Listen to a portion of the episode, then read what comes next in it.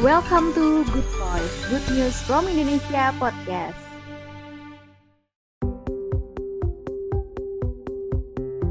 Hai kawan GNFI, balik lagi di Good Voice. Good Voice kali ini merupakan rekaman dari acara e-conference yang merupakan konferensi startup dan inovasi pertama melalui live stream Instagram. Acara ini dipersembahkan oleh e-incubator ID, Mikti dan juga GNFI. Mau tahu gimana keseruannya? Yuk dengerin podcastnya. Oke, selamat malam eh, rekan-rekan semua. Jadi ini adalah um, pengalaman pertama saya live di Instagram uh, membuat apa, mengadakan konser apa conference uh, melalui Instagram gitu ya. Ini cara baru di saat kita semua sedang uh, kebetulan harus social distance gitu ya. Ini adalah menurut saya sangat akan sangat efektif untuk sharing walaupun kita harus melalui virtual sharing atau virtual conference ya.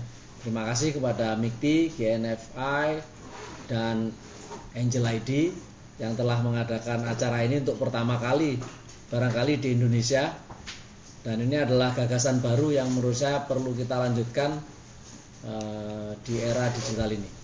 Baik rekan-rekan, saya akan sharing sedikit tentang how disruption is happening and innovation strategy to anticipate. Jadi uh, apa sebetulnya yang mendisrupt uh, telco, misalkan seperti Telkom ini uh, saat ini adalah perusahaan yang sedang didisrupt oleh startup digital gitu ya. Mungkin teman-teman sudah punya accountnya gitu atau punya slidesnya maka uh, saya lanjutkan bahwa disruptive innovation ini adalah tentang bagaimana suatu perusahaan atau yang biasanya disebut dengan incumbent mengembangkan produknya yang biasanya produk yang dikembangkan perusahaan itu berasal dari apa yang dia miliki kemudian dia kembangkan secara bertahap gitu ya. Contoh Bluebird punya taksi kemudian mengembangkan Silverbird yang untuk premium. Nah, itu sebetulnya adalah bagaimana cara perusahaan berinovasi dengan cara waterfall jadi setahap berevolusi gitu ya dari apa yang mereka miliki. Nah, sedangkan new entrance pemain baru seperti startup dia tidak membuat produk itu berdasarkan dari produk existing karena memang mereka nggak punya produk. Jadi mereka justru melihat ada peluang untuk membuat sesuatu yang baru gitu dengan menggunakan sarana internet. Jadi inovasi saat ini atau yang inovasi IT lah saya sebut ya saat ini itu agak berbeda dengan inovasi IT di tahun 90-an. Jadi pada tahun 90-an inovasi IT itu tidak berbasis internet. Tapi mereka melahirkan perusahaan-perusahaan besar seperti Microsoft. Nah, itu sudah ada perusahaan-perusahaan yang dilahirkan Apple. Itu perusahaan-perusahaan yang dilahirkan dari sebelum era internet atau saya penyebutnya biasanya the first bubble uh, di bidang IT ya. Nah ini di era tahun 2002 2000-an ini maka muncul banyak banyak lagi startup atau the second bubble era. Nah, di mana mereka ini inovasi IT juga tapi berbasis internet. Everything on internet. Nah, maka uh, startup atau yang disebut dengan new entrance ini mereka membuat sesuatu yang baru seperti Uber ya lawannya Bluebird itu dia sebenarnya membuat platform atau di mana demand and supply bertemu di mana orang membutuhkan taksi dan supply atau berupa pengemudi taksi pemilik taksi bertemu di platform Uber, Grab, Gokar nah ini nah mereka memang tidak punya aset sebagaimana Bluebird tapi mereka bisa menghubungkan demand dengan supply.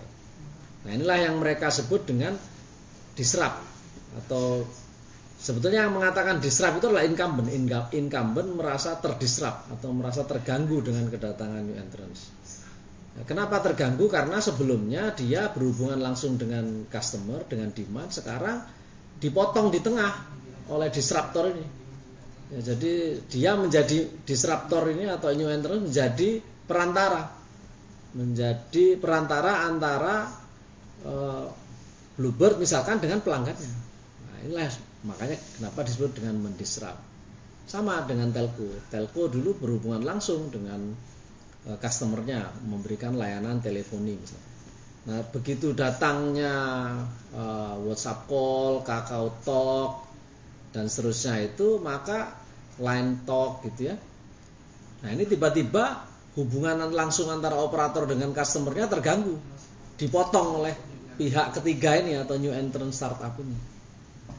Nah, saya, saya rasa itulah yang disebut dengan disruptive innovation. Jadi yang merasa terdisrupt itu sebenarnya incumbent.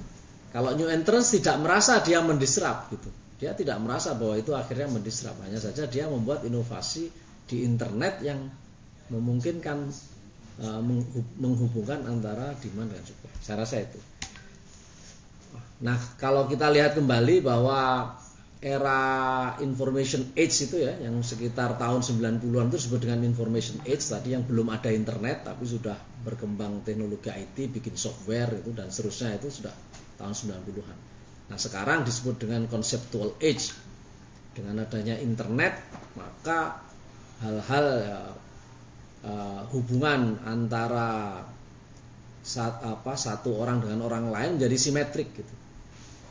Di era information age siapa yang memiliki informasi itu tidak sama e, powernya dengan yang tidak memiliki informasi. Makanya disebut dengan asimetrik hubungannya. Nah, jadi guru dengan murid itu asimetrik dulu jadi guru punya informasi murid tidak punya informasi. Guru punya buku murid tidak punya buku dan seterusnya. E, antara apa dokter dengan pasien itu asimetrik dulu.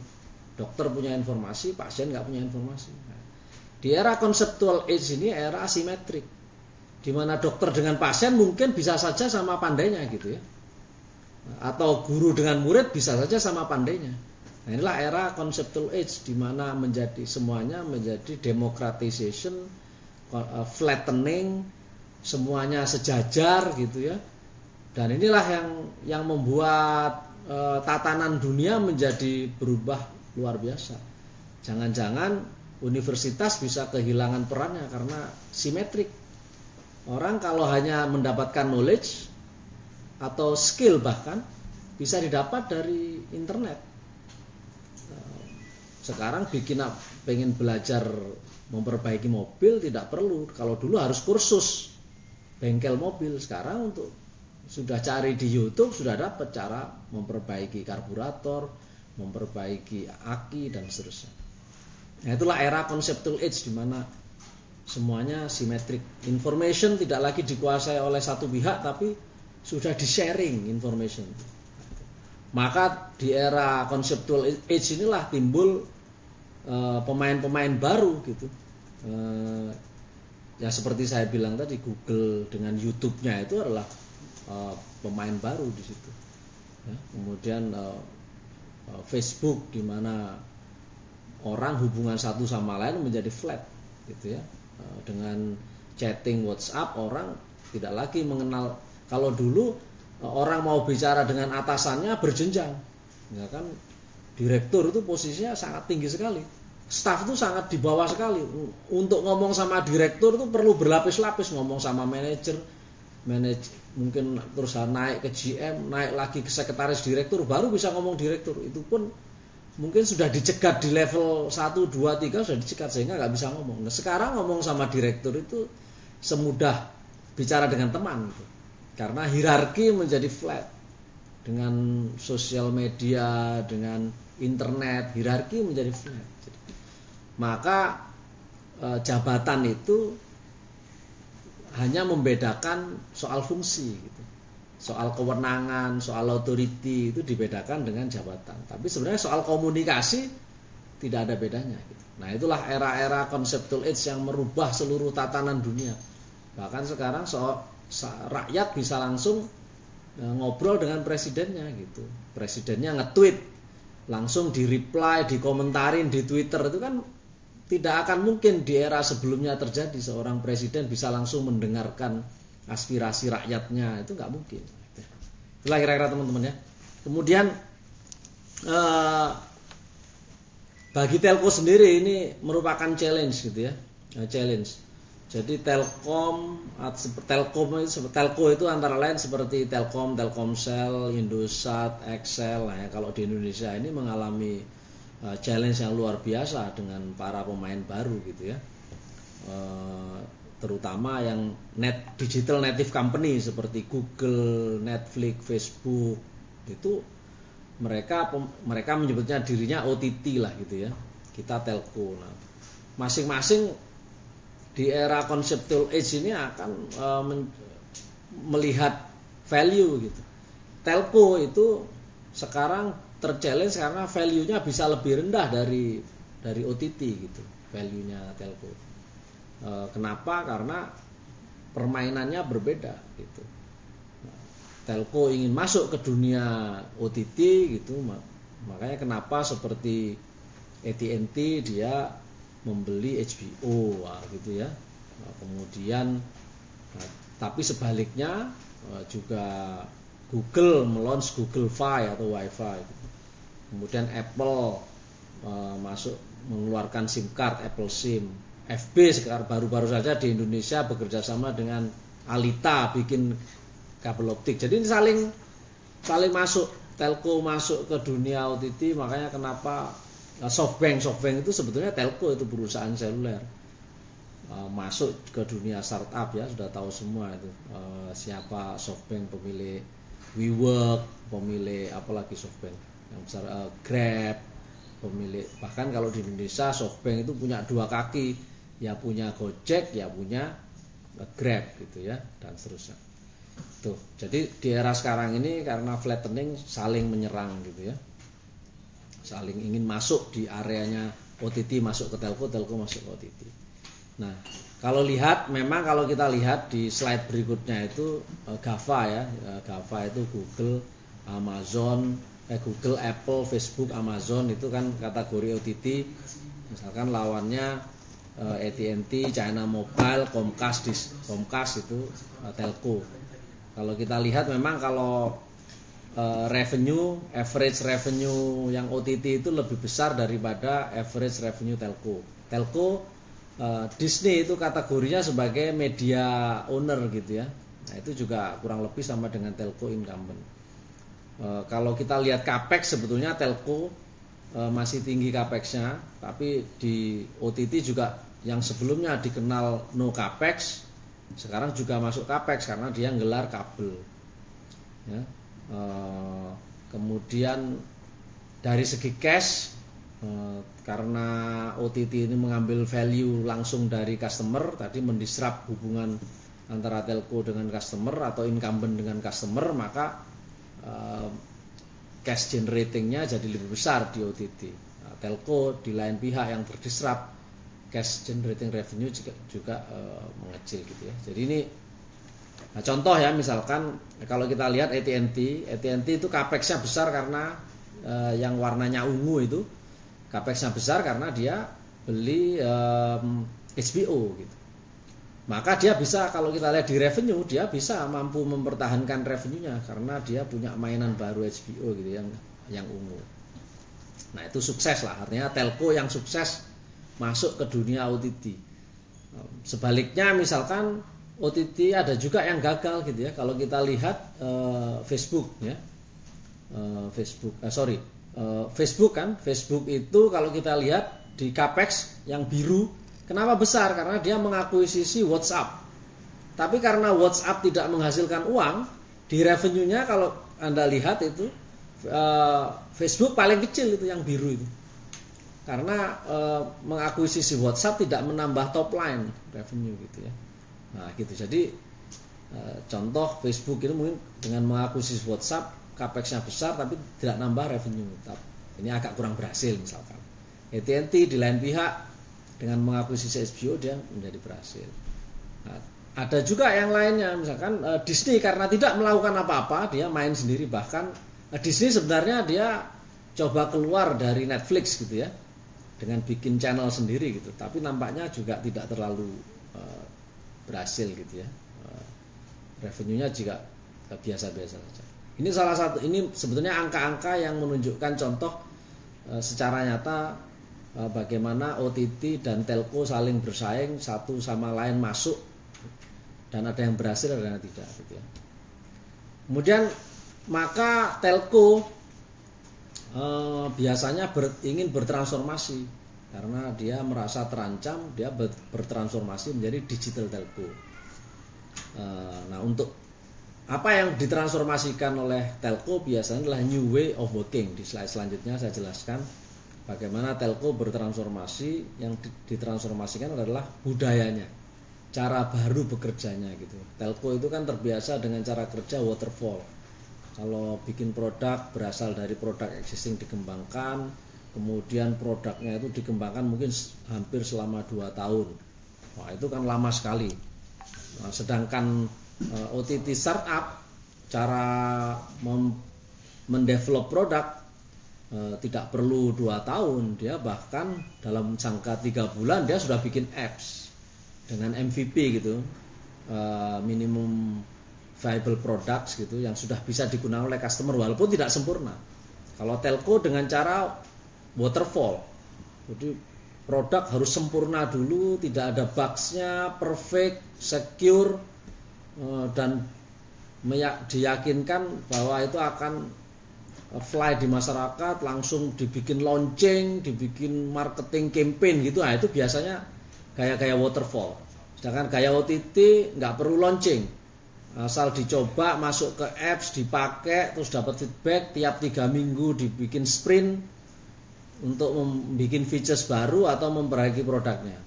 Sehingga dalam dua tahun hasilnya Eh, produknya Telco bisa kalah kesempurnaannya eh, dari produk OTT yang dikembangkan tiap tiga minggu tadi sprint meeting tiga minggu sekali menghasilkan improvement produk. Sedangkan Telco bikin dua tahun baru launching gitu. Nah, Oke, itulah perbedaan. Nah, maka Telco mencoba merubah cara cara membuat produknya dengan cara OTT. Nah, dengan new way of working tadi, dengan cara agile, dengan cara uh, tiap tiga minggu sekali di sprint nggak usah perfect sudah dijual ke masyarakat. Nah itulah sebetulnya cara telco menjadi digital telco. Yang berubah adalah new way of workingnya new way of creating product new way of improving product itu dengan menggunakan cara-cara agile gitu ya. Nah, seperti yang dilakukan OTT nah Telkom sebagai perusahaan besar tentu eh, tidak ingin ketinggalan juga ingin bertransformasi menjadi digital telco. Maka Eh, cara-cara telkom menjadi digital telco tadi ya dengan merubah new way of working, new way of creating product, new way of uh, marketing product, new way of selling product, new way of uh, approaching the customer gitu ya melalui channel digital, melalui apps, melalui web gitu, tidak lagi menyediakan apa uh, kayak plaza atau apa yang physical touch point tapi lebih ke digital touch point. Itulah cara-cara baru. Nah tapi selain tapi untuk merubah dari telco menjadi digital telco tidak mudah.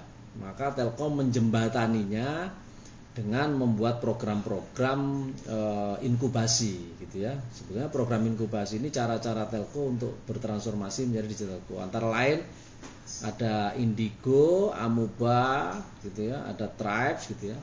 Indigo ini cara-cara kita untuk masuk dunia digital dengan cara shortcut.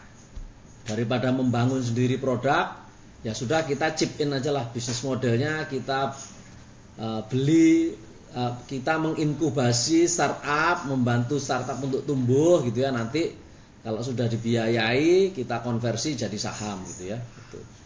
Uh, kemudian itu itu indigo program indigo kalau amuba itu passion base. Jadi kalau karyawan Telkom yang ingin bikin produk OTA uh, digital dengan gaya startup, nah kita fasilitasi dengan Amuba.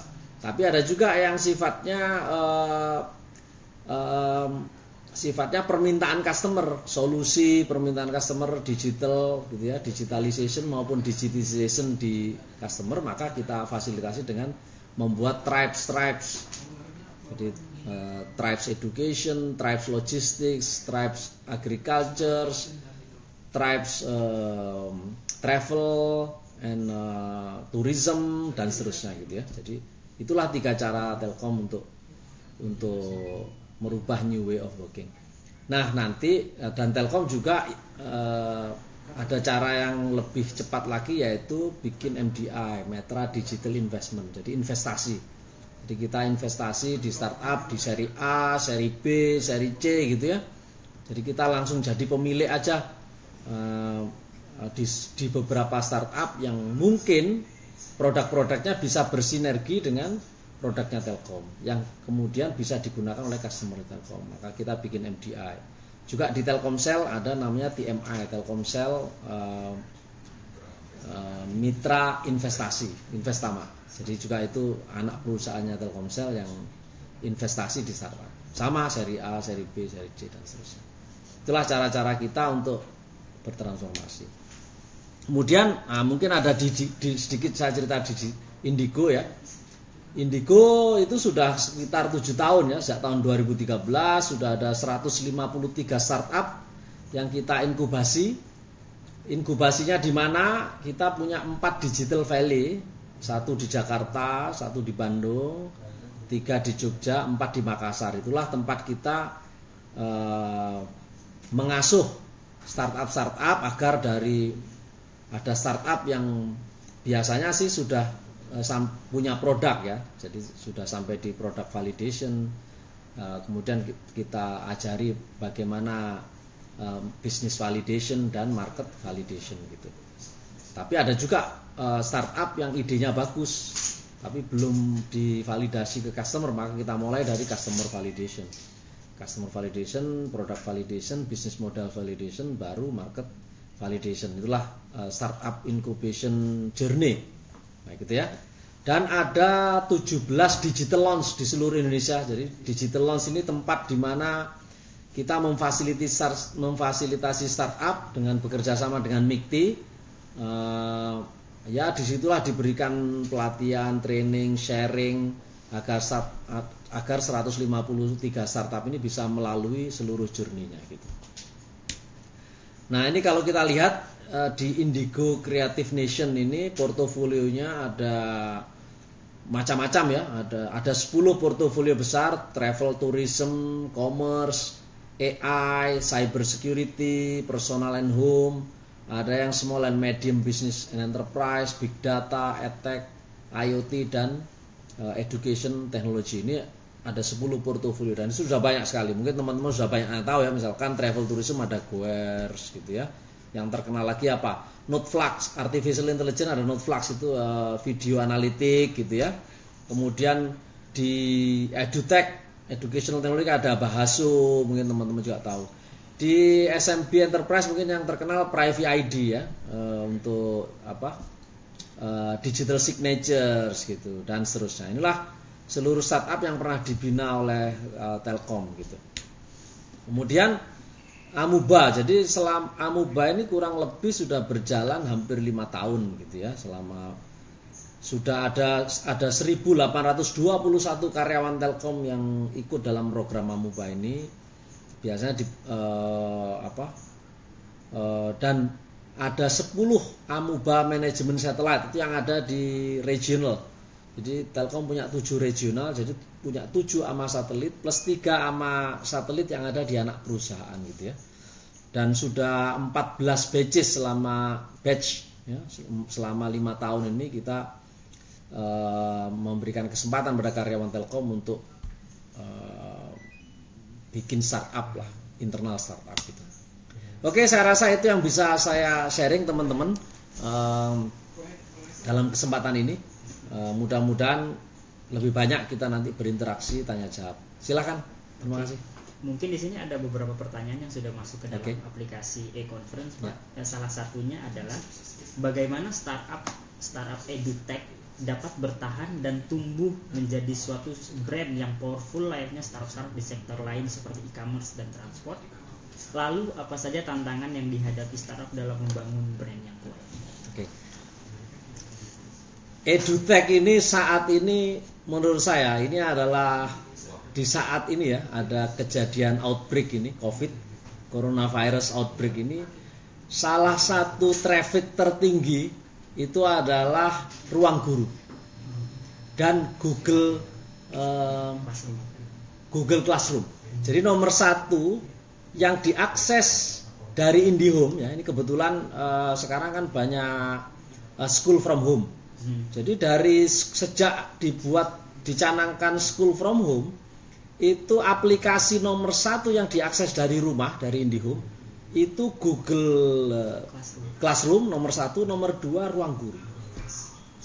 Ini traffic tertinggi nih. Jadi tidak ada aplikasi yang lebih tinggi dari dua aplikasi ini.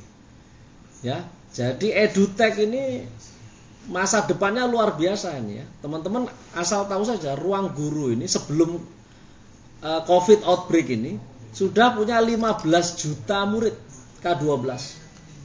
Jadi ruang guru ini tidak punya sekolah tapi punya 15 juta murid, tidak punya guru tapi punya 15 juta murid. Ya, ini edutech ini luar biasa. Ya, harus saya share ini. Ini mungkin edutech akan jadi uh, unicorn selanjutnya ini. Ya, akan jadi unicorn selanjutnya dari Indonesia. Uh, dengan luar biasa sekali. Nah, ini saya uh, jadi edutech ini punya kesempatan yang besar apalagi ya setelah kejadian Covid ini nanti ya mudah-mudahan kita semua berdoa kepada Allah Subhanahu wa taala Tuhan yang Maha Kuasa agar Indonesia terhindar dari uh, bencana Covid ini. Tapi setelah kejadian ini maka anak-anak Indonesia dari kelas 1 sampai kelas 12 nanti akan sudah terbiasa menjalankan sekolah dari rumah. Nah ini akan terbiasa bekerja dari rumah, working from home. Ini akan jadi budaya baru. Dan inilah kesempatan para startup ya yang bisa memberikan solusi working from home atau school from home fly di masa yang akan datang. Jadi buatlah menurut saya solusi-solusi yang sesuai dengan pin pin uh, pin pointnya para murid, para mahasiswa. Nah ini mahasiswa belum banyak ini yang mengcover nih. Kalau K, K12 sudah diambil ruang guru, yang belum mahasiswa. Bagaimana mahasiswa belajar jarak jauh, nah, berhubungan dengan dosen, dengan lab dan sebagainya. Jadi edutech punya masa depan yang sangat cerah. Jadi ini ini saya bisa ceritakan ini. Ada lagi pertanyaan? Oke, mungkin ada pertanyaan kedua, Pak. E, bagaimana caranya kita melihat marketing value di mana produk yang kita bikin itu masih baru masuk ke dalam masyarakat? Baik teman-teman, jadi e, makanya tadi ada ada tahapan business model validation. Itu diajarkan. Jadi MIKTI ini membantu e, apa mengundang para expert di bidang bisnis. Ya diajarkan. Teman-teman saya tahu lah para startup ini backgroundnya kan teknik gitu IT lah gitu ya. Atau uh, apa uh, desainer gitu ya atau marketing. Tapi sesungguhnya kurang punya sense kalau sudah akan menjual produknya. Nah ini saya rasa perlu belajar bisnis. Nah, belajar bisnis tidak harus sekolah tapi bisa juga tadi ya uh, bisa melalui dilo-dilo kita di sana Mikti mengajarkan bagaimana menghitung kos bagaimana supaya profit dan seterusnya ya. Kemudian bikin marketing strategi, apakah produk ini dijual ke segmen apa. Nah, itu harus harus dipelajari ya.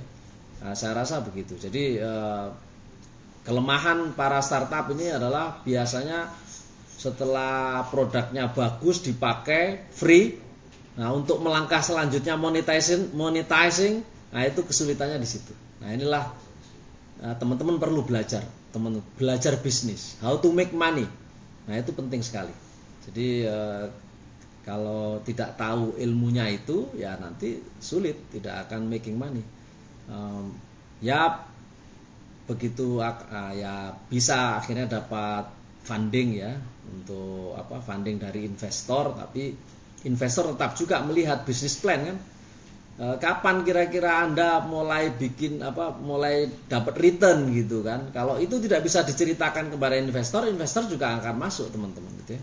Investor itu oke okay, di awal uh, mereka invest uang nggak apa-apa, nggak belum making money, tapi mereka harus punya bayangan sampai titik apa uh, mulai menghasilkan return. Nah itulah belajar bisnis di situ menurut saya. Oke, siap Pak e, pertanyaan selanjutnya jika anak muda mempunyai ide untuk startup kita harus ke mana Oke. begini teman-teman ya e, kalau anda punya startup sesungguhnya startup ini tidak harus membuat aplikasi ya. Banyak startup yang kita bina itu bikin hardware juga. Ya, IoT hardware, bikin macam-macam hardware. Jadi ada hardware, ada software.